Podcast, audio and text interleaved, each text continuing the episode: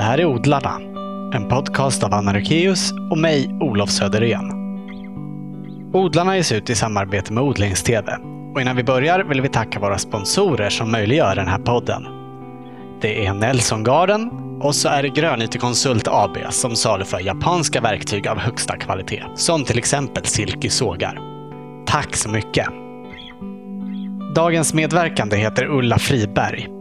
Hon har bakgrund inom socialt arbete, vilket går igen i hennes nuvarande jobb som trädgårdsdesigner, då hon jobbar mycket med terapiträdgårdar och trädgårdar anpassade efter människors speciella behov. Hon har också utformat en utbildning för undersköterskor som heter Trädgård i vården och föreläser flitigt om både trädgård och om naturens betydelse för hälsan. Intervjun spelade vi in en kall och regnig dag i slutet av april i ett lusthus i trädgården på Skoga äldrecentrum i Solna. Varsågoda!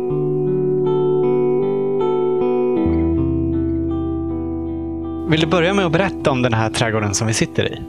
Ja, vi sitter ju här i Skogas trädgård. Och Skoga är ett äldreboende, ett Ja. omvårdnadsboende, som även har seniorträff. Det kommer även personer utifrån hit som fortfarande är friska och bor hemma. Och det är blandat både då personer som eh, är sjuka eh, och sen de som har demens. Så att det är ett blandat boende så. Så 2002, då ser jag den här fantastiska ytan. Mm. Det är en Och det fin var- utsikt härifrån. Ja, Det är ligger på en höjd med utsikt över sjön. Här. Och man ser båtarna åker förbi, så att bara utsikten är ju ett femstjärnigt hotell. Ja. Men då ser jag den här vackra fotbollsplanen som det var och då så Ja. påpekade jag det att eh, Var det bara gräsmatta? var bara gräsmatta. Det fanns ett litet rött torp som ni ser här, Ja.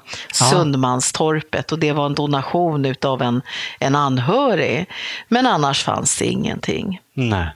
Och eh, ja, det fanns de här två fruktträden bakom äppelträden och de är felplanterade så de mår inte så jättebra men de får vara kvar för det är ett bra skuggskydd. Så då såg jag det här och så tänkte jag men det måste vi kunna göra någonting åt. Vill du berätta lite om hur du har tänkt när du har designat trädgården? Mm. Det var ju grunden med att se vad är det som behövs här. Och då måste man naturligtvis först fråga personalen och de som bor här. För jag har ritat ganska många ställen efteråt. Och eh, det slår mig alltid att när man inte har med proffsen så blir det inte bra. För de vet vilka behov som finns. Naturligtvis även i kombination med min kunskap. Därför att om någon säger att vi behöver ha en palm så är det bara att förstå att det kanske inte funkar då eftersom det inte är rätt zon. Nej. Så jag satte upp lappar på varje våning som var till de som bor, till anhöriga och personalen.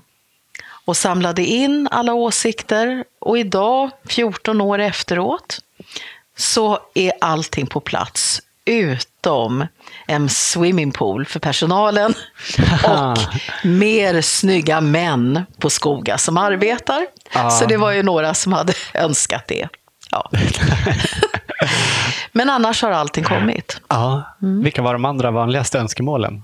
Det vanligaste önskemålen är ju någonting som egentligen inte spelar någon roll om det är ett omvårdnadsboende eller om det är en privatperson. Och det är det här att det ska vara vackert året om. Men framförallt också lite reminiscens, lite minnessaker. Jag brukar kalla det minnenas och sinnenas trädgård. Så att litet vattenspel, någonting att uppleva, något att äta och naturligtvis, vilket som är så oerhört viktigt tycker jag, det är att ha skugga. Därför att många äldre personer, eh, och och yngre också, de tycker inte om att sitta i full sol. Nej. Plus att det också kan finnas mediciner som är direkt olämpliga att sitta i full sol med. Så därför så var en av de första bitarna vi gjorde, det var att bygga en pergola. Och det är den som är här bakom. Och det fanns inte några direkta pengar till det, utan där var det jag som snickrade tillsammans med sommarungdomar och vid något tillfälle så kom det in en snickare. Så att, eh, men sen är det det att ta hänsyn till både de personer som har demens, att man måste ha, eh, det ska vara starka färger. Det ska vara mål, man ska kunna peka, där borta sätter vi oss. Det ska vara gångar som, det finns ju de som går ständigt och jämt, att de ska kunna gå runt och vara trygga. Jätteviktigt med omgärdning. Eh, gärdsgården kom på plats väldigt tidigt för att också reminiscens ge minnen, men också kringgärda. Det är en äng där borta som vi slår med lie. Ja. Och sen så Gunnebostängslet och då vet jag att det var någon person som sa, men ska ni stänga in trädgården? Men det var för att ha tryggheten. Mm, Och att de inte ska trilla ner för slänten här. Ja, och gå vilse. Ja. Därför att eh, det är inte att förbarnsliga, men det har kunskap om demens, att personer faktiskt går vilse, de ska gå hem. Och då är det en trygghet både för dem och för anhöriga och personalen. Så de tankarna har jag där. Och sen att den är tillåtande. Eh, Det ska finnas saker som blommar så att man faktiskt kan ha en speciell dag. Vi skulle kunna fira magnolians dag idag eftersom den börjar blomma. ja, den är precis Och så på kan väg vi fira gullregnets molnad och så vidare. Så så har jag tänkt, att det ska finnas för alla sinnen, tillgänglighet och även ur skötselaspekten. Ja. Det Mm. är fantastiska mängder narcisser som blommar också. Ja, och det här är också återigen den ekonomiska biten. Det är tråkigt jag, att prata ekonomi, men det kommer alltid i alla, även i privatlivet gör ju det. Så jag gör så här att dekorationerna som de naturligtvis ska ha på borden, istället för att ha massa snittblommor så har jag oftast eh, lökväxter eller annat som man kan använda i trädgården.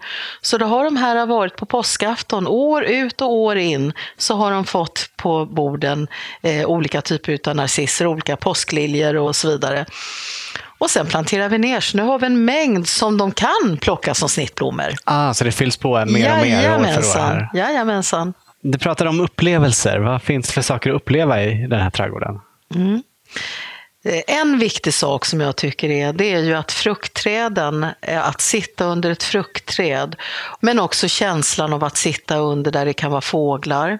Det är också upplevelsen att eh, när man går så finns det ju finns det forskning som visar att gångträning på olika material ger bättre balans.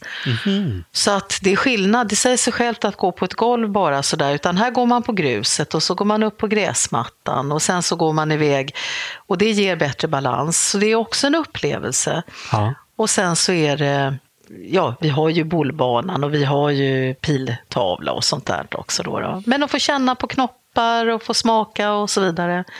De är alltid med när vi planterar potatis i landet och sen har vi potatisfest. Ja. Och då behövs det ingen fikabröd kan jag tala om. Då sitter alla bara njam, njam, njam och ser det färsk potatis med smör och så bara mm, Ja, där det är- minnen. det är gott. Ja. Man ska kunna sitta ute och njuta med alla sinnen. Och så helt plötsligt plocka ett litet bär och stoppa i munnen eller ett blad och tugga på eller lägga på maten. Undviker du aktivt eh, giftiga växter?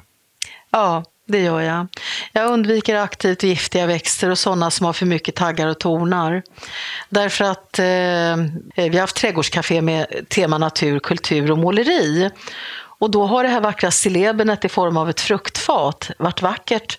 Och sen så är när jag vänt ryggen och sen helt plötsligt fattas det en banan eller ett äpple. Och det är ju så att man plockar i sig. Jag har varit på andra ställen där de har ringt och sagt Ulla, nu har de ätit upp alla röda bär vi hade som dekoration på kräftskivan. Är de giftiga?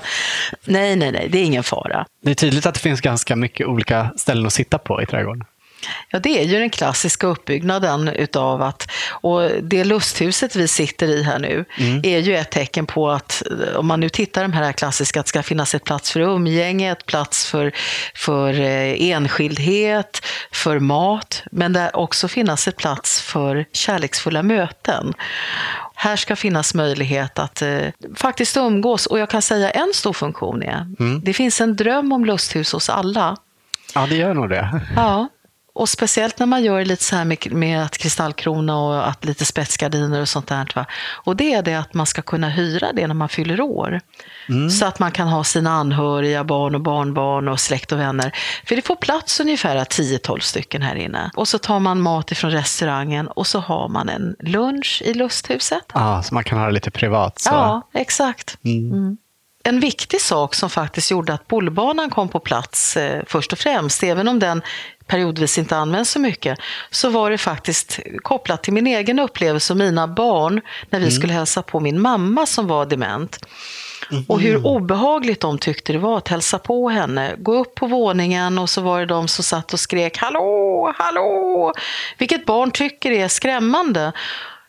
Då hade det varit så mycket enklare om man hade kunnat säga vi går ner och tar med oss mormor i trädgården och har med oss kaffe och det där och så kan de spela lite boll och så får de komma i en miljö. Så att på de ställena där jag gör äldreboenden så ska det finnas saker att göra för barnbarnen och barnen. Ni har ju lite djur också. Ja. Vi har haft hönor och sen har vi haft gris, hade vi förra sommaren. Och det ska vi inte ha fler, därför att det är så många som är rädd för grisar och det var så Aha. mycket. Så att man måste liksom vilja. För det är jättesvårt att tvinga in någon som är rädd för höns och ge mat och byt, göra rent, utan det måste Ja. finnas fungerande scheman. Men det tillför väldigt mycket, absolut. Ja. Vad skiljer en sån här terapiträdgård från andra trädgårdar?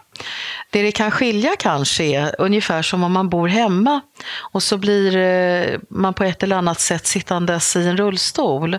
Då är det ganska naturligt att trösklar tas bort och att man kanske sänker diskbänk och så vidare. När man gör en trädgård för de personer som har särskilda behov så är ju det med från början.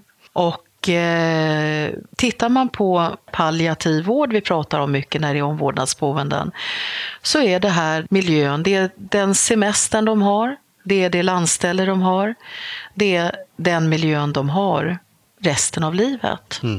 Och det kan låta lite sorgligt, men det är verklighet. Så att årstidsväxlingarna är otroligt mycket viktigare att föra fram i en sån här trädgård. Att ha representativa träd som blir röda på hösten och att det finns vårlök. För det här är det enda de ser året om. Så är det. Viktigt att det alltid är något som är vackert. Då. Alltid något som är vackert. Det finns mycket att ta in från naturen även på vintern. Ja. Och en viktig sak till, att jag måste jobba mer med alla sinnen. Eftersom ofta blir ju alla sinnen, de blir ju försämrade. Och det är väldigt vanligt också att man får en försämrad eh, när det gäller synen. Så att, att faktiskt ha olika struktur på stammar, på knoppar, dofter, känsel än vad man kanske har i sin privata trädgård. Då kanske inte sinnena på det sättet måste... Då, för där har vi fortfarande våra ögon. liksom. Ja, just det. Men eh, en terapiträdgård på till exempel ett vårdhem, det ska ju passa så många. Hur får du ihop det? Ja, från början är ju den här inventeringen om jag är för att jag ska designa den. Men annars så tror jag att det är så här att vi ser en förändring. När du säger att det ska passa många. Förut var det ganska enkelt därför att då var det en generation som inte reste speciellt mycket utomlands. Och då hade man det man så kallade sig mormorsväxter och, och gammaldagsväxter och sånt där. Och det är inte de samma idag. Därför den generationen som är nu kommer, de har rest utomlands. De har varit i eh, Alhambra och de har varit på Mallorca och Kanarieöarna och så vidare, Thailand. Ja. Så att där kan det vara en förstärkning utav de växterna för att också väcka minnen till livs. Men som regel tycker jag att man kan anpassa till de flesta. Eh, vad tycker du mest om med den här trädgården? Jag tycker om mycket, men eh, det jag tycker om som jag verkligen har eh, försökt att få fram, det är generositeten. Och det viktiga att känna att när jag kommer hit så får jag vara delaktig. Och det är stor skillnad om man tittar på en del eh, rehabträdgårdar och terapiträdgårdar. Det är så här, jag har haft personer som har kommit ner och som har en ganska grav demens och som helt plötsligt blir sitt forna jag, tar fram spaden, står med och gräver. Och då får jag nästan hejda folk som säger, men herregud, han gräver ju upp alla pioner. För det gör ingenting. Nej, man får göra det här. Man får göra det.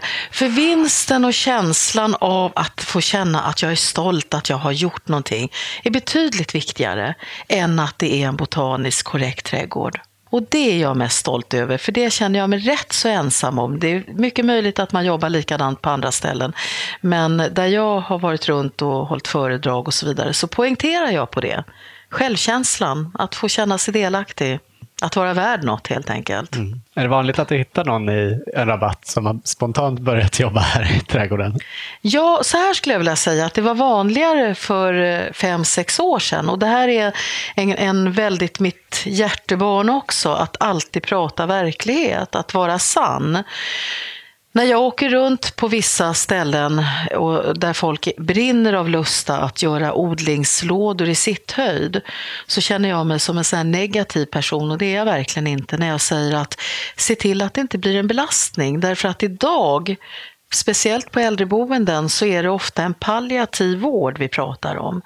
Du är i så pass eh, eh, sjuk eh, när du kommer så att du orkar inte. Nej. Så det jag gör nu det är att jag försöker liksom mer skapa trädgårdar där upplevelsen är att få delta utan att vara aktiv.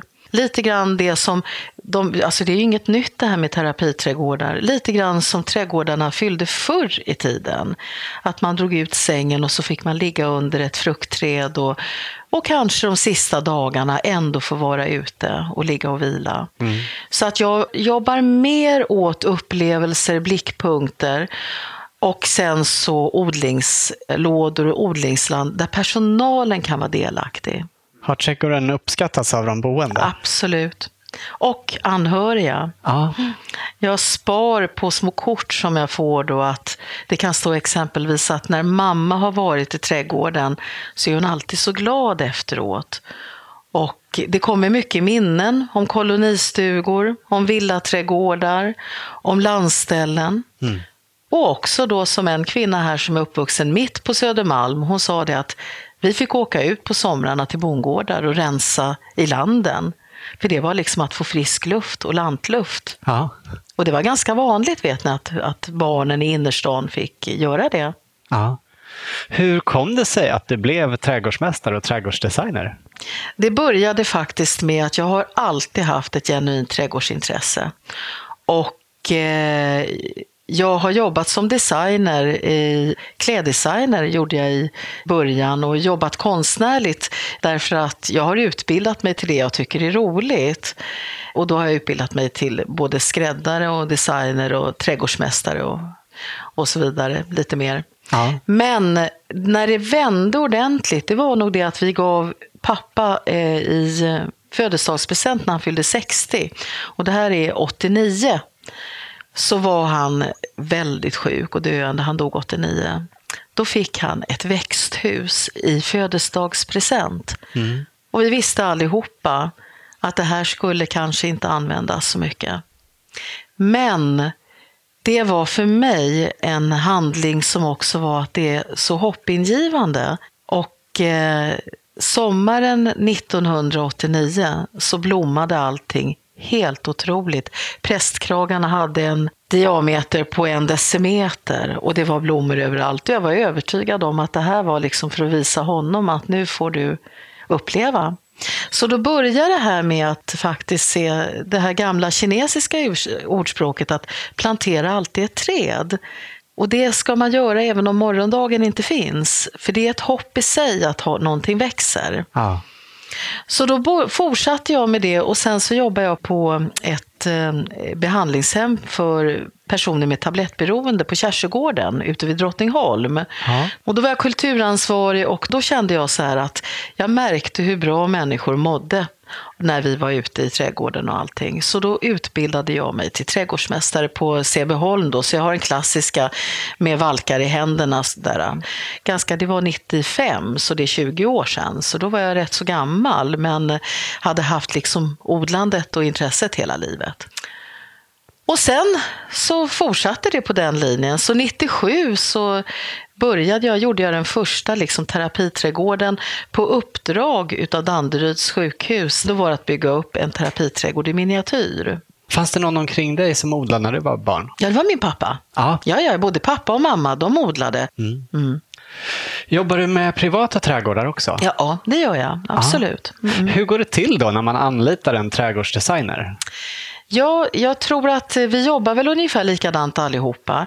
Eh, jag gör så här att när en person eh, tar kontakt med mig, då bokar vi ett första besök och då brukar jag koppla det till en konsultation. Därför att ibland räcker det. Det räcker med, jag brukar säga att jag är väldigt effektiv och, och när folk frågar så här, ska vi ta en kopp kaffe Ulla? Då har jag skojat lite grann och sagt, har du råd så har jag tid. för att vara helt rak och ärlig, att, att människor vill ha, vill ha liksom valuta för pengarna. Ja. Och det är, är jättetrevligt och, och, när man pratar trädgård. Så att då bokar vi en tid, oftast är det två timmar. Mm. Och då går vi igenom och då förbereder jag genom att skicka en checklista med frågor. Och sen så sitter vi på plats. Och ju mer underlag som kunden har, mm. desto mer får vi ihop i de här timmarna och går igenom tomtritningar och sen framförallt de här behoven. Vad och varför vill ni att vi ska samarbeta? Ja. Sen när det är gjort så åker jag hem och så säger jag att nu får ni fundera på det här och jag eh, funderar på hur lång tid det skulle ta för mig att göra exempelvis en ritning, växtförslag och så vidare. Och då skickar jag en offert. Och Eh, så får kunden bedöma om ja, det här vill vi ha eller också räcker det med konsultationen. Är det vanligt att det räcker med den och att folk gör det själva sen? Om, om det är en uppvuxen trädgård och man på något sätt redan har lite tankar kring förändring som man vill göra, då kan det räcka med att få liksom sträcka på ryggen, vi tänkte helt rätt. Mm. Men om det är en helt nyanlagd, vi säger att det är en tomt, ibland är jag ju med också när huset ska placeras för att få, tänker vi rätt och så vidare. Va? Då är det ju, skulle jag säga, 100 procent som vill ha en fortsättning. Och ah. Eh, då jobbar jag så att jag jobbar ju ingenting i dator utan jag jobbar, tecknar helt och hållet bara. Och det är därför att dels jobbar jag ju konstnärligt och sen känner jag också att eh, för mig eh, får jag ner mina, mina gröna tankar på ett bra sätt. En del ramar in de här ska jag säga och skryta. Ja. Vad roligt. Men har det hänt att du har gjort en trädgård åt någon och de har inte blivit nöjda sen? Nej, och det är därför att jag inte tillåter det helt enkelt. Utan även om de här timmarna har gått så känner jag det att om man nu har tagit ett sånt stort steg att man släpper in en främmande människa i sitt liv så ska man liksom ha det förtroendet. Jag har aldrig behövt gå förbi någon och, och liksom hålla hatten för ansiktet eller smyga förbi, utan jag har en väldigt god relation och det är ungefär 300 trädgårdar jag har gjort. Mm. Jag vet i ett läge, jag har det inskrivet faktiskt i mitt papper jag brukar lämna, att jag eh, förbehåller mig rätten att tacka nej till uppdrag. Ja. Och det har varit ett exempel, det var ute i skärgården när det absolut skulle bli jättemycket odlingsytor och jag sa att här måste en geolog in. Alltså det går inte att spränga och eh, göra vad som helst i en skärgårdsmiljö bara för att nej. man vill ha en plan yta. Det är varken liksom rätt emot naturen eller möjligt. Och då vet jag att då, då blev de ju lite arga och mm. tyckte att vi betalar och vi har rätt att få det som vi vill. Och då sa jag varsågod, det finns jättemånga andra. Men det viktigaste tycker jag när på frågan det är att verkligen liksom vara helt klar över att det inte är jag som bor här. Så det ska inte finnas några behov av att lämna avtryck, att oj, här har Ulla ritat eller här har den ritat, det syns på karaktären. Nej. Utan att känna ordentligt, hur vill ni ha det? Mm. Det är det viktigaste, tycker jag. Finns det några generella skillnader i hur du tänker om det är en privat trädgård jämfört med en offentlig trädgård? Mm, absolut. Jag gjorde en trädgård då för Miele, diskmaskiner och tvättmaskiner och sådär. Deras huvudkontor. Ja. Och då tänkte jag mer på symboliken med och varumärke. Och det här är, vad kan det vara, tio år sedan eller någonting, tolv år sedan kanske. Och då tänkte jag så det måste finnas någonting som är roligt, som är symboliskt. Och då lät jag göra en, eh, anlita en konstnär som heter Christer Bårding som gjorde ett stort klot i Hallandsgnejs som roterar på vatten. Därför att då såg jag det här möjligheten att cylindern i tvättmaskiner mm. och diskmaskiner och det är vatten som cirkulerar och Hallandsgnejs kan man ha i diskbänkar och i liksom sådana här ytor. Och då blev det en vacker punkt i den miljön. Däremot så skulle folk gå till bussen. Och då passerar man över hela tiden den här marken, vilket gjorde att allting vi satte blev nertrampat. Ah, alla växter? Ja, mm. och då blir det ju en annan sak för ett företag att liksom se till att det ska skyddas emot de andra. Den andra delen i en privat trädgård är ju faktiskt det att du kan liksom bestämma vilka som ska vara där. Och du behöver inte, vill du ha ett ärtsingel som är jättevackert, men fruktansvärt svårt att dra en rullstol i, eller en cykel eller en barnvagn, så är det upp till dig. Men i en offentlig miljö, det, det hände på Mosebacke-terrassen, vi fick ta bort allt där, därför att det är inte godkänt som handikappanpassat. Nej. Så det måste, det är en jätteviktig bit att tänka på. Alla offentliga miljöer ska vara jajamensan, jajamensan, det måste du tänka på. Mm. Så att där är en enorm skillnad, för du ska ju få ha det som du vill i din privata. Sen finns det regelverk när det gäller dammar och pooler och, och sånt, va? att man inte ska kunna ha barnens eh, eller grannarna komma dit och drunkna och sånt där. Va? Men det är en stor skillnad faktiskt. Är du med och anlägger trädgårdarna sen också? Jag har gjort det i många år och tyckt att det är roligt, men nu är jag för gammal och jag brukar skoja och säga så här att om jag som kund får välja att ha en medelålders korpulent, lite höjdrädd dam klättra omkring bland träden och beskära äppelträd och så vidare, än att man har en arborist i 30-årsåldern med motorsågen igång vid midjan som klättrar upp och gör det på en femtedel av tiden, så tror jag att de väljer det rent ekonomiskt. Däremot så har jag en del kunder som jag fortfarande gör det därför att vi har band. Ja. Och då kommer jag dit och planterar om och beskär träden. Men de har som regel lärt sig det här under årens lopp. Mm. En del tar ju ledigt från jobben och var med när, när man är och beskär och anlägger för att ha kontroll liksom över pengarna, att, att de är här så många timmar. Men jag brukar säga passa på att se det här som en kurs. Ni får betala hur mycket pengar som helst. Var hemma, filma och se hur den här duktiga trädgårdsmästaren gör när han beskär eller hon beskär. Och sen har ni det så kan ni göra det själva sen. Det är bra. Jag tror det just beskärning tror jag är jättemånga som är rädda för. Ja, exakt. Jo, men så är det. Om man är rädd att skada och göra fel och så vidare. Va? Ja. Mm. Skulle du säga att det är lätt att göra fel så man verkligen förstör trädet? Nej, det tycker inte jag. Däremot så är det lätt att göra fel om du exempelvis stympar någonting. Därför att vi har ett land där liksom det är avlövat sex månader om året. Så att när jag ser hamlade björkar så kan jag bli väldigt ledsen. För då kan jag tycka att då handlar det om en planeringsbrist brist. Mm. Att man faktiskt ska föreställa sig höjden redan när man planterar. Och det här är någonting som jag kan säga, jag håller mycket kurser för de som jobbar i, i bostadsbolag. Ja, Stockholmshem och Signalisten och sånt där. Då. Ja. Och då går det ut hela tiden på att när man planerar, att inte planera in extra kostnader i skötsel. Och där är också skillnaden om du pratar om privat eller offentligt. Att hela tiden tänka på att den ekonomin vi har nu, att planterar jag jättemycket som ska skötas, ja då måste de anställa en till och det var inte meningen med mitt uppdrag. Nej. Om man tänker på privata trädgårdar då, mm. vad är det vanligaste problem folk brukar söka hjälp för? I sin trädgård alltså. ja, ja, men det är, det är en bra fråga därför att det finns så klassiska problem när man kommer dit och så säger de vi vill ha en fantastisk trädgård men vi vill inte sköta den. Mm. Så på checklistan så brukar jag skriva det, hur mycket tid kan du tänka dig i trädgården? Och jag har fått svar ifrån allt ifrån att en dag på våren och en dag på hösten. Och eh, då är det att de vill ha det fint, att det ska vara skötselfritt och sen kommer det alltid upp om de har gräsmattor, problem med gräsmattan, problem med kirskål och maskrosor ja. och mördarsniglar. Men eh, när det kommer till det här att de ska göra någonting nytt, att designen, att de är ute efter något, då är det ju ofta också att ha de här eh, behoven. Men vi tränar, vi skulle gärna vilja ha en utedusch. Eller ja. vi vill ha en pool, eller vi vill ha ett land att odla med och så vidare. Där ser jag också en förändring. När jag började så var det färre personer, privatpersoner, som tyckte att det var okej okay att anlita en trädgårdsdesigner. Det var liksom lite sådär, eh, ja, så att då blev det en målgrupp som kanske var van att köpa tjänster överlag. Så jag gjorde väldigt mycket trädgårdar i Danderydstrakten kan jag säga där. Aha. Men sen har ju tv-programmen som har kommit sen dess då, då, har ju gjort mycket till så att folk tycker att det är okej okay att anlita någon. Och då är återigen, vad vill ni ha? Och då säger de, äsch, man kan väl inte ha det här och det känns fånigt att fråga. Och då, vi kan ta exempelvis, ja men vi skulle vilja att det ser ut som i Medelhavet då. då.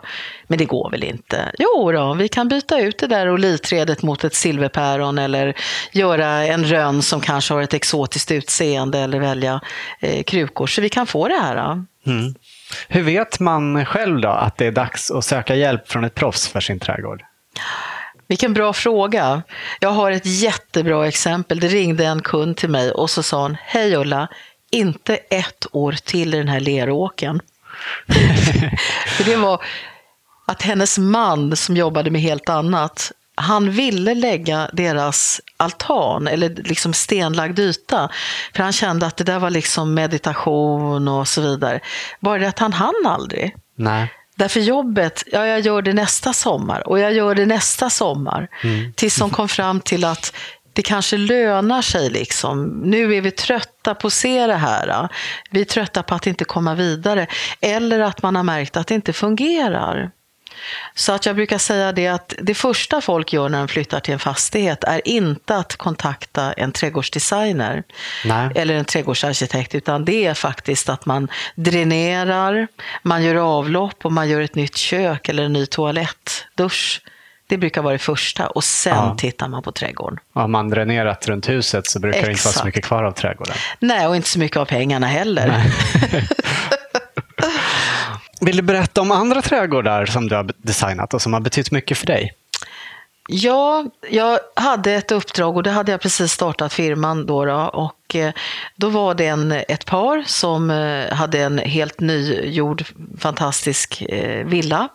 Och de var arkitekter och de sa så här när jag kom dit, det fanns ingenting på tomten, att vi har bara ett önskemål och det är att våran son som är helt blind, han ska kunna röra sig här och han ska kunna känna sig liksom helt fri.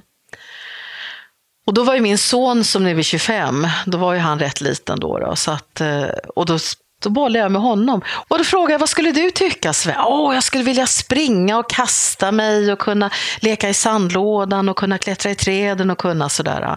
Så då började jag utifrån de här tankarna då, då med att det var nivåskillnader. Att de ville ju ha fruktträd också, men inte som man bara skulle gå rakt in i. Utan när det händer någonting så jobbar jag med volym och på nivå. Ja. Och sandlådan blev som en sån här golfbunker, sandbunker med en Ah. kant av gräset som gick över i sanden. Ja, att det blir lite mjukare övergångar. Ja, så. exakt. Va? Och trädäcket gick över i gräsmattan med en list på sidan så att det inte skulle ruttna liksom som, som gjordes där. Och det var vassa, det var lite enar som var vid eh, utgångarna och sen så hade vi sånt här klockspel där utgångarna var som let i Ah, vinden. ja. Så att han skulle känna och höra att Och höra här, att det här är farligt. Och sen så det som var häftigast, det var ju det att jag gjorde ett gräs som var, om jag inte minns fel så var det Kleine fontänen som var lagom högt för att han skulle kunna hålla med handen och så gick det som en S-formad eh, över gräsmattan och känna med handen till där han kunde leka, så han kunde springa. För det var ju väldigt viktigt att liksom bara se. Ah. Så då, sprang, och då tänkte jag att det Så han här... kunde springa utan att se och ändå ja, hitta exakt. fram där. Och, som en ledstång fast den utav gräsvippor. Ja. Så det var faktiskt den första, och det var inte någon terapiträdgård eller någon medveten, men det var den första som, som slog en ton hos mig Mm. att eh, vilja göra det. Har du fler exempel på trädgårdar som du Ja. särskilt kommer ihåg? Ja, jag har gjort väldigt många trädgårdar och som man kommer ihåg. Och man kan ju också komma ihåg en trädgård därför, eh, det här är också en som jag gjorde. Eh, då hade barnen flyttat ut och då såg det ut väldigt, det är väldigt vanligt att man har kaprifolen i den gamla lekställningen och sen sätter man vårlökarna i sandlådan. Och det här var ett par, de var kanske i 60-årsåldern och så vidare, men kände, nej men nu, nu, nu räcker det liksom. Och då sa jag att ni kanske ska ha en vacker spaljer som är till för det här på riktigt. Och under tiden vi sitter och pratar, för då framgick det av checklistan att hon drömde om att äntligen få en engelsk trädgård. Med allt vad det innebär. Ja. Och han var så less på att hålla på och klippa så han ville bara spela golf. Ja. Ungarna hade flyttat hemifrån. Så då reser han sig upp och nu kanske det är någon som hör det här, det vet inte jag, men det är ganska roligt då. Då reser han sig upp och säger han, det är ingen idé att jag är kvar här, för att eh, jag har ingenting att säga till om. Och då hade jag nytta av att ha jobbat liksom med familjerådgivning och sånt där då, tidigare i behandling. Så att det blev den enda trädgården som inte hängde ihop fram och baksidan. Utan framsidan blev den engelska trädgården och baksidan blev en golfbana. Ja. Och det, jag vet, och det är många år sedan, men där, den minns jag väldigt starkt. För då sa de efteråt att det här blev precis som vi ville ha. För att återkoppla till vem är det som bor här. Bra, då fick du in bådas behov Ja. där ändå. Använder du ekologiska metoder? Ja, för mig är det så självklart att tänka sju generationer framåt. Jag tycker vi alla måste tänka eh, väldigt, väldigt mycket på det. Om vi återgår till trädgården vi sitter i. Hur kom det sig att du fick ta dig an den här trädgården? Mm. Då hade jag jobbat eh, på Haga trädgård, Fjärilshuset, som många känner till. Och då jobbade jag där i ett par år som ansvarig över hela anläggningen med både odling och djur. Och det tyckte jag var väldigt spännande och var en intressant tid och stora möjligheter. Men jag kände väl efter två år som anställd där och jag var, var eh, ansvarig för personal och för allt det här att mycket av tiden kanske gick åt till sånt. Och jag är en, en eh, trädgårdsmästare och konstnär och projektledare och jag har haft eget företag sedan jag var 21 år. Mm. Så att eh, då kände jag att nej, nu vill jag bli fri igen. Och då gick jag tillbaka till min frilanssituation mm. och så bara tänkte jag, tänk ifall ingen vill ha mina tjänster nu då? Och så fick jag lite panik och då pratade jag med en kompis som jobbar här. Och så sa men Ulla, här kan du ju komma och jobba natt och så man skulle kunna jobba med annat dagtid då. då. Mm. Och då tänkte jag, nej men då gör jag väl det. Så jag var här på anställningsintervju och sa att jag kan jobba natt lite extra. Jag, för det har jag gjort på Maria Ungdom och det, ja, för 30 år sedan. Så där, men att det, ja. ja, men det behövde jag aldrig göra, för då kom ju jobben. Men då hade jag ju sett det här. Mm. Då hade jag ju stått på femte våningen och tittat ner och bara känt, men gud, det här måste göras någonting åt. Så jag behövde inte jobba någonting, utan sen rullade det igång. Men då hade jag sett skogen. Men hur, hur tog du det därifrån till att du började jobba med trädgården? Då? När jag såg att någonting har potential och möjligheter så tar man kontakt med den som är ansvarig. Ja, så och du då, jobbar du mycket så att det är på ditt initiativ som saker blir? Inte så mycket, men jag har gjort det kanske fyra, fem gånger. Jag kommer göra det snart igen ja. gällande en offentlig miljö kan jag tala om. Mm. Därför att det är så många som har sagt till mig, Ulla du måste ta kontakt med dem här för det ser hemskt ut. Mm. så, det, så det ska jag göra. Men nej, utan då bara talar jag om att så här ser det ut, det är en fantastisk miljö. Och då var det dåvarande verksamhetschefen. Mm. Och de har ju naturligtvis inte möjlighet och pengar i projekt utan det går ju på högre upp. Så då togs ju det här som ett beslut i omvårdnadsförvaltningen att vi ska göra någonting, vilket inte alls är ovanligt nu. Det var väldigt ovanligt då. Men då måste man ju kunna se på de här vinsterna, varför och hur och hur det ska se ut och göra ett ordentligt arbete eh, med mål och syfte och utvärdering efteråt. Så så, så började bollen rulla 2002. Mm. Och 2004, det tog ju två år innan det blev ett projekt. Så det är inte från en dag till en annan. Nej. Och eh, det var lite i samma veva, det vill jag ju nämna, för det var samma händelse som jag var uppe på Mosebacke-terrassen och sitter och ser denna fantastiska utsikt och denna fantastiska miljö. Och var fruktansvärt. Det var bara en hundrastgård med en eroderad slänt som folk gick runt och satt och pinka i och sådär. Ja. Och då gjorde jag samma sak där, att jag tog kontakt med dåvarande ägarna och sa att det här är ju ett sånt fantastiskt ställe, men det kan ju inte användas.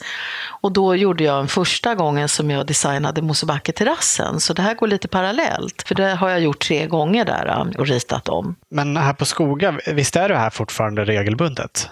Ja, jag har trädgårdscafé varje torsdag och eh, har haft det i 12 års tid. Mm. Och då gör jag ett program i början på året som täcker alla torsdagar förutom sommarmånaderna. Därför att då är det ju vikarier och då är det svårt att vara bunden vid ett tema. Ah. Men eh, jag har trädgårdscafé och det är kopplat då till naturen. Det kan vara blomstren i Evert Taubes musik, brännvinskryddor, pelargoner, slottsträdgårdar, mm. tema Italien och då är det här så fantastiskt. Vi har olika teman. Då berättar jag om Italien och växter och så vidare. Och sen får man lite gorgonzola och ett kex eller två och så får man lite vin. Och det här får man varje torsdag. Någonting som är kopplat till, så någon god sockerkaka eller någonting som är kopplat till temat. Det låter fantastiskt. Det är helt fantastiskt. Jag skulle så gärna vilja att det här också var på fler ställen. Och det är mm. jättemånga ställen som har, men kanske inte samma kontinuitet där det blir liksom en hel eftermiddag med upplevelser. Nej. Man får dofta på blad och känna på blad och allt det här. Så att då kommer jag på morgonen och då går jag igenom vad som behöver göras med det som behöver vattnas in, inomhus. Och då har jag personer som arbetstränar, som har sina fasta uppgifter. Akvariet ska göras rent när det inte är dammen som är öppen. Och det ska klippas och det ska göras ordning. Och sen är trädgårdscaféet från 13.30 till 15. Och sen är dagen i princip slut när man summerar. Så så ser torsdagen ut. Mm. Så har jag periodvis har jag varit här två dagar, då onsdag, torsdag. Ibland har jag bara varit här torsdag, ibland har jag inte varit här alls när jag är ute och reser. Nej. Men då hör de det här utan dig ändå? Ja, och då är det ju planering här. Mm. Att det går inte liksom ha lite, ja den som känner för att hålla i det. Utan då planerar jag väldigt ordentligt. Annars skulle det inte fungera. Nej. Är ni ute på de här torsdagarna under vintern också? Ja, vi försöker ju att promenera också. Mm. Det här är en anledning. Vi har ett lusthus där det är infravärme. För att man ska kunna promenera ner hit och ta en kopp kaffe eller varm choklad. Mm. Promenaderna först och främst, men självklart är det begränsat. Och då får man ju inte glömma i den här nästan hysterin när det gäller att boka in aktiviteter och utevistelse, att de som har några år äldre på nacken, de, de tycker precis som oss. Är det snöstorm och kallt ute, då går inte vi ut heller. Nej, inte så härligt då. Nej, så då har ni inneaktiviteter? Ja, om- så det är trädgårdscafé varje, jajamensan. Då pratar vi och då, och då om än kan det vara härligt att få se en engelsk trädgård när man sitter och fryser ute, så att det är absolut. Ja. Mm. Det är ju torsdag idag. Vad ska ni göra i eftermiddag? Valborgsfirande. Jaha. Då gör vi så att vi har en eld och nu kommer jag få stå i regnrock och elda och de andra får sitta och titta på. Det brukar vara väldigt många som kommer ner, det är hundra som bor här. Ja. Och det brukar vara mellan 40 och 50 stycken. Så då grillar vi korv och så eldar vi och så sjunger vi valborgslåtar. Och sen så har det blivit tradition att läsa en fantastisk dikt från en person som bodde här och som gick bort för, kan det vara en fem, sex år sedan. Så då har vi den som en valborgsdikt. Fint. Nu kommer Kjell, och Kjell är en av Sveriges duktigaste ornitologer. Vi måste Aha. öppna till honom. Vi... Hej! Hej Kjell, nu sitter jag odlingsradio här, ah, så du kan inte vara här inne. Nej. Var det något speciellt du tänkte? Skulle du ringa kärlekssamtal? Kjell har också hjälpt mig på torsdagar och nu så kommer han att jobba lite då och då. Han Ja. är fantastisk ornitolog alltså. Mm, Ja, En av du Sveriges har bästa. folk som hjälper dig med, eh, med Alltså det här är med i människor som arbetstränar. Då, då. Personerna är anställda utav, Solna, utav Skoga. Då. Ja. Och det är jätteviktigt att man har handledare som behandlar personer respektfullt och det är en i teamet. Det ska vara värdighet. Det är så lätt att säga till människor att ta sig i kragen. Men det jag gör här på Skoga, det är att se till att människor får en krage. För de flesta har Mm. inte ens någon krage att ta sig i. Nej. Och sen har vi då sommarungdomarna. Och det har vi haft i många år. Ja, det är också genom kommunen. Det är genom kommunen. Och eh, där får jag lov att säga, jag har haft sån bra erfarenhet utav allihopa så gott som. Eh, och, och jobbat mycket också med ensamkommande eh, som eh, otroligt duktiga och strukturerade och är vana att odla på ett Ah. annat sätt än vad svenska ungdomar är. Därför att det har funnits naturligt hemma i farmors trädgård eller i att man har odlat det man ska äta. Ja, Så de har väldigt, är väldigt duktiga många gånger. vad bra. Mm. Och jag tar också in då en gång om året, inte riktigt, kanske varannat år, en arborist. För att också kolla lite grann hur mår träden och hur ser de ut? Så att allting ska vara liksom ordentligt, proffsigt gjort. Va? Mm. Precis som, eftersom jag är ansvarig över budgeten då, på trädgården, då Ja. ropade jag in jobb och så sa jag nu vill jag ha en höststädning och nu vill jag ha en vårstädning. Det har ju återkommit till det här med ekonomi flera gånger. Är pengar generellt ett stort problem när det gäller sådana här trädgårdar?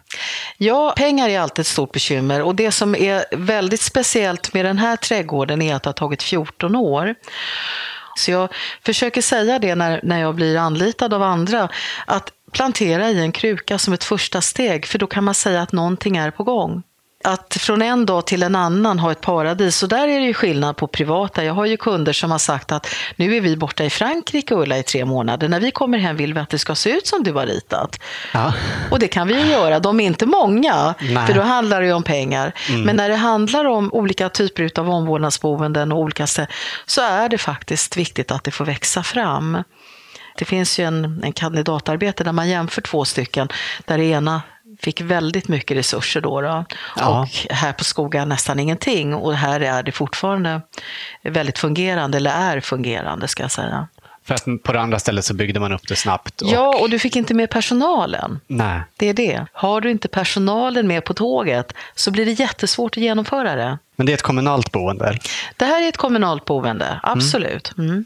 Men jag har gjort trädgårdar till många som är privata också. Då, då. och lite som är eh, spännande tycker jag när, när de här utbildningarna som jag höll i Sollentuna kommun, då utbildade jag all personal i utevistelsens betydelse för hälsa.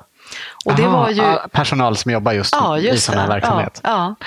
Och det var på 12 olika ställen. Och eh, där såg jag vilken stor skillnad det var mellan de olika. Och det var inte kopplat om det var kommunalt eller var privat regi. Inte på något sätt. Nej. Däremot så var det kopplat till den egna betraktelsen. Om jag är en sån som direkt efter jobbet går hem och lägger mig framför tvn så kanske inte jag tycker att det är viktigt att gå ut. Och det är det motivationsarbetet vi måste jobba med vidare. Engagemanget från Jajamensan. ansvarig personal. Absolut. Att det här är din arbetsuppgift. Det här är ingenting som du väljer att Märta har rätt att komma ut och sitta eh, några Nej. minuter ute. Det är ett, låter jag säga sträng, men det är faktiskt ett stort jobb. Ja, verkligen. För jag tycker alla äldre har rätt till att, att ha en bra miljö och framförallt komma ut. Mm, Då gissar jag att personalen här har varit med på tåget. Var jag än åker någonstans så tar jag upp dem som fantastiska exempel. Men det har tagit tid. Du måste se att, eh, jag, jag ser att det här är ett motivationsarbete. Att ständigt återkoppla till att du också mår bättre av att få komma ut i solen och få ta en promenad. Att du får bättre nattsömn som personal och du får mindre depression. Jaha, ja, det är inte bara Märta som solen lyser på. Det är på Nej. dig också. Och det där börjar, här på Skoga är personalen fantastisk. De har ju börjat med att försöka på somrarna att de tar ut lunchen, de tar ut matvagnen och så äter de lunch ute i trädgården.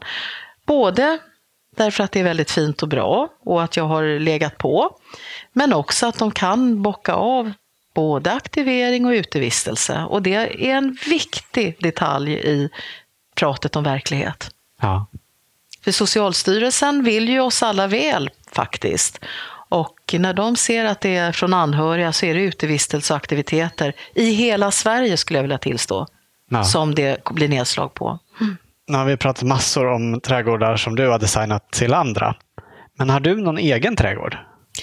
Jag har haft trädgård i princip hela livet, men Ja. det har varit ute på Ingarö, Ja. där jag berättade om Är växthuset. det där du är uppvuxen också? Där, ja, jag, jag, är uppvuxen, jag är Stockholmsböna i fem generationer, Ja. så jag är uppvuxen på är. Kungsgatan. Aha. Och känner ingen som har fem generationer i sig. Nej. Kungsgatan 37, eh, då biografen Royal, där. Aha. Men Ingarö har vi, mina föräldrar haft sedan början på 50-talet, så det har vi varit på helgerna. Och sen bodde jag i Ursvik och hade en trädgård som blev Ursviks finaste med väldigt mycket rhododendron och magnolier och sådär. Men så flyttade jag därifrån för sex år sedan. Och sen hade jag under ett års tid en gård i Västmanland i Västerås och den sålde jag för ett år sedan, ett och ett halvt år sedan. Ja. Bodde bara där ett år. Och där kan vi prata om tankar och visioner, men det var lite långt att åka till Västerås. Ja. Och då är jag så pass gammal så jag kände att ska man ångra sig så ska man faktiskt ta itu med situationen nu. Så då sålde vi den. Så nu är jag tillbaka på Ingarö. Ja. Men jag bor i Solna nu i en lägenhet och sen så... Så har du det på helger Ja, så har jag det på helger. ledigheter? Ja. Är det samma ställe som du har kommit tillbaka till? Det är samma ställe som jag Det som dina tillbaka till. Föräldrar- från dina föräldrar, ja. Och jag kan berätta att när jag, när jag flyttade dit ifrån en stor välordnad villa så med eh, swimmingpool och allt möjligt som det var till en friggebod utan vatten och toalett. Och så bodde jag 2010 och 2011 genom att dra vatten i pulkor, vattendunkar Mm. på pulkor och sen så sitta i skogen och bajsa. Så det var väldigt spartanskt under två års tid. Men det gav mig också en frihet att tänka på hur vill jag leva och vad vill jag göra. Så att eh, jag åkte till simhallen ibland och sådär. Så att eh, ja, under två års tid levde jag verkligen liksom på Ja, häftigt. 10 kvadrat mitt inne i skogen. Ja.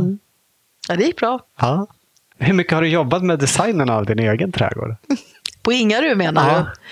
Ja, jag ska säga, där är verkligen ett exempel på att naturen får råda. Ja. Pappas växthus har jag flyttat och eh, jag måste berätta, jag flyttade den själv när jag var där Mm. med hjälp av en underbar katt som jag avlivade i förrgår så att det är ju väldigt Nej, ledsamt. Som heter Pucko. Det var min systers katt då. Och när jag skulle flytta det här så var jag tvungen att få hjälp av brädor och det här är ju en fem år sedan.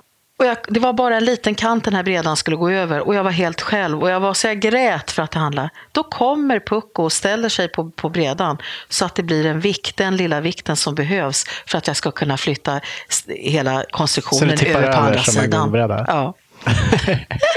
men i alla fall, så växthuset är där och det är Ja, lite men det är trasigt. kvar och på tomten, fast det är kvar på tomten, det är på det. Mm. flyttat. Och jag har tagit bort jättemycket land, för jag hade jättemycket land i Ursvik då, som jag odlade, Ja. där jag bodde innan.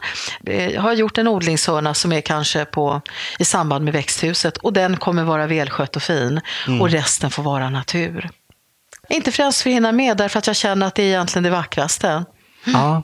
För mig är det det nu, att jag, kan, jag ska försöka utveckla mer vad jag kan använda av naturen. Jag ska kanske göra mera tallskott. Granskott vet ni att man äter för att det är C-vitaminrikt. Men tallskott och marinera i olja och timjan och salt och äta som små oliver.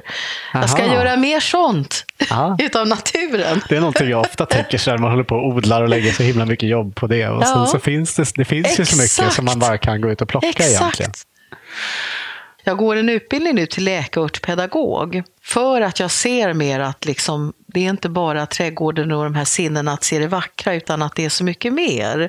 Att vi mår bra bara av att hålla i det gröna eller att jag har legat i mossa från jag var liten, så gick jag ut i Ingaröskogen och la mig i mossa när jag var ledsen.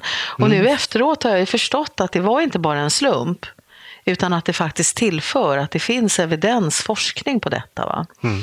Och eh, utan att liksom lägga in någon politisk eller religiös del i det hela så har jag genom den här lekörtpedagogutbildningen fått upp ögonen för en kvinna som heter Hildegard von Bingen som levde på 1100-talet. Okej. Och hon hade sådana teser redan från början, den här nunnan, att det räcker med att vistas i det gröna för att må bra. Och nu pratar vi 1100-tal.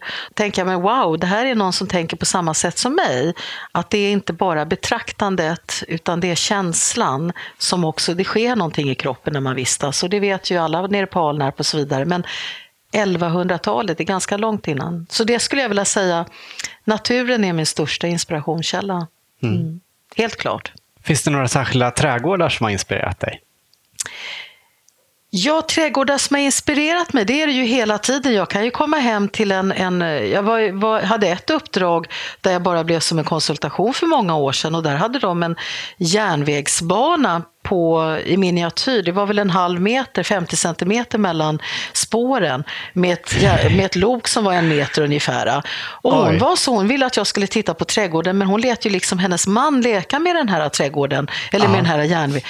Och då, det inspirerade mig på att verkligen göra vad man vill i sin trädgård. Att ingen annan ska styra.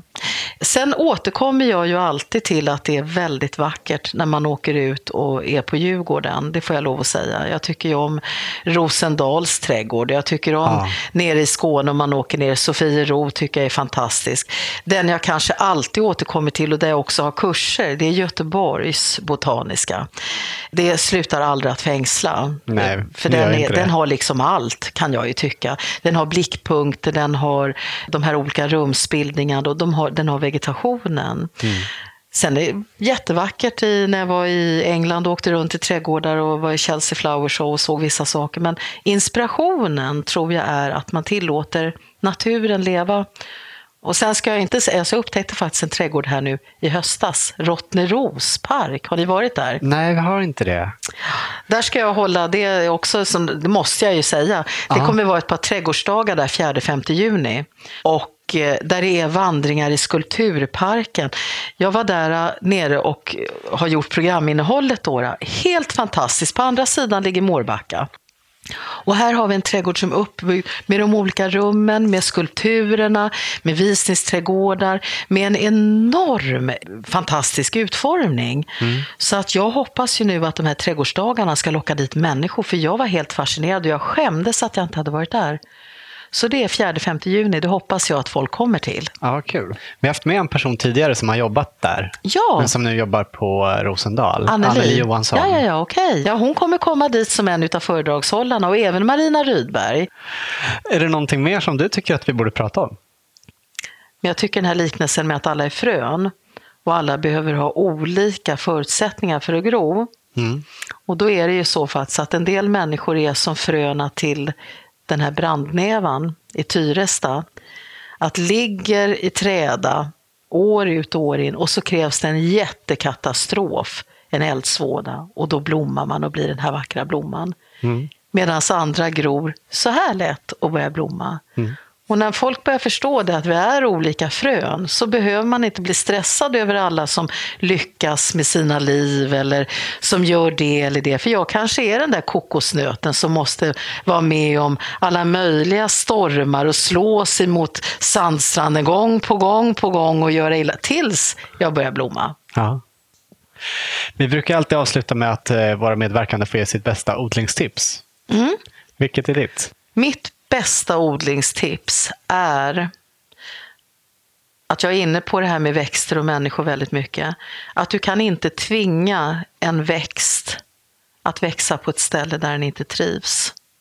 Jag har försökt med blå bergsvallmo åratal och jag har gjort det bästa med rhododendronjord, blandat i torv, haft halvskuggiga lägen, fixat och donat och jag lyckas inte och då måste jag ge upp att det är inte meningen att vi ska att jag ska tvinga den här personen att vara kvar och det gäller om det är på en arbetsplats eller vad som helst. Så att odlingstipset är det att är det så att den här inte trivs, du har inte de förutsättningarna, du kan inte ändra klimatet helt och hållet, satsa på något annat och, låt den här växa där den vill. Mm.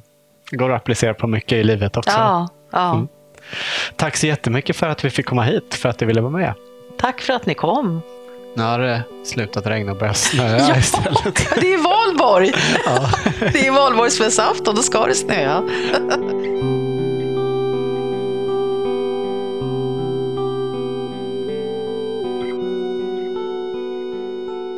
Du har just hört Ulla Friberg i Odlarna.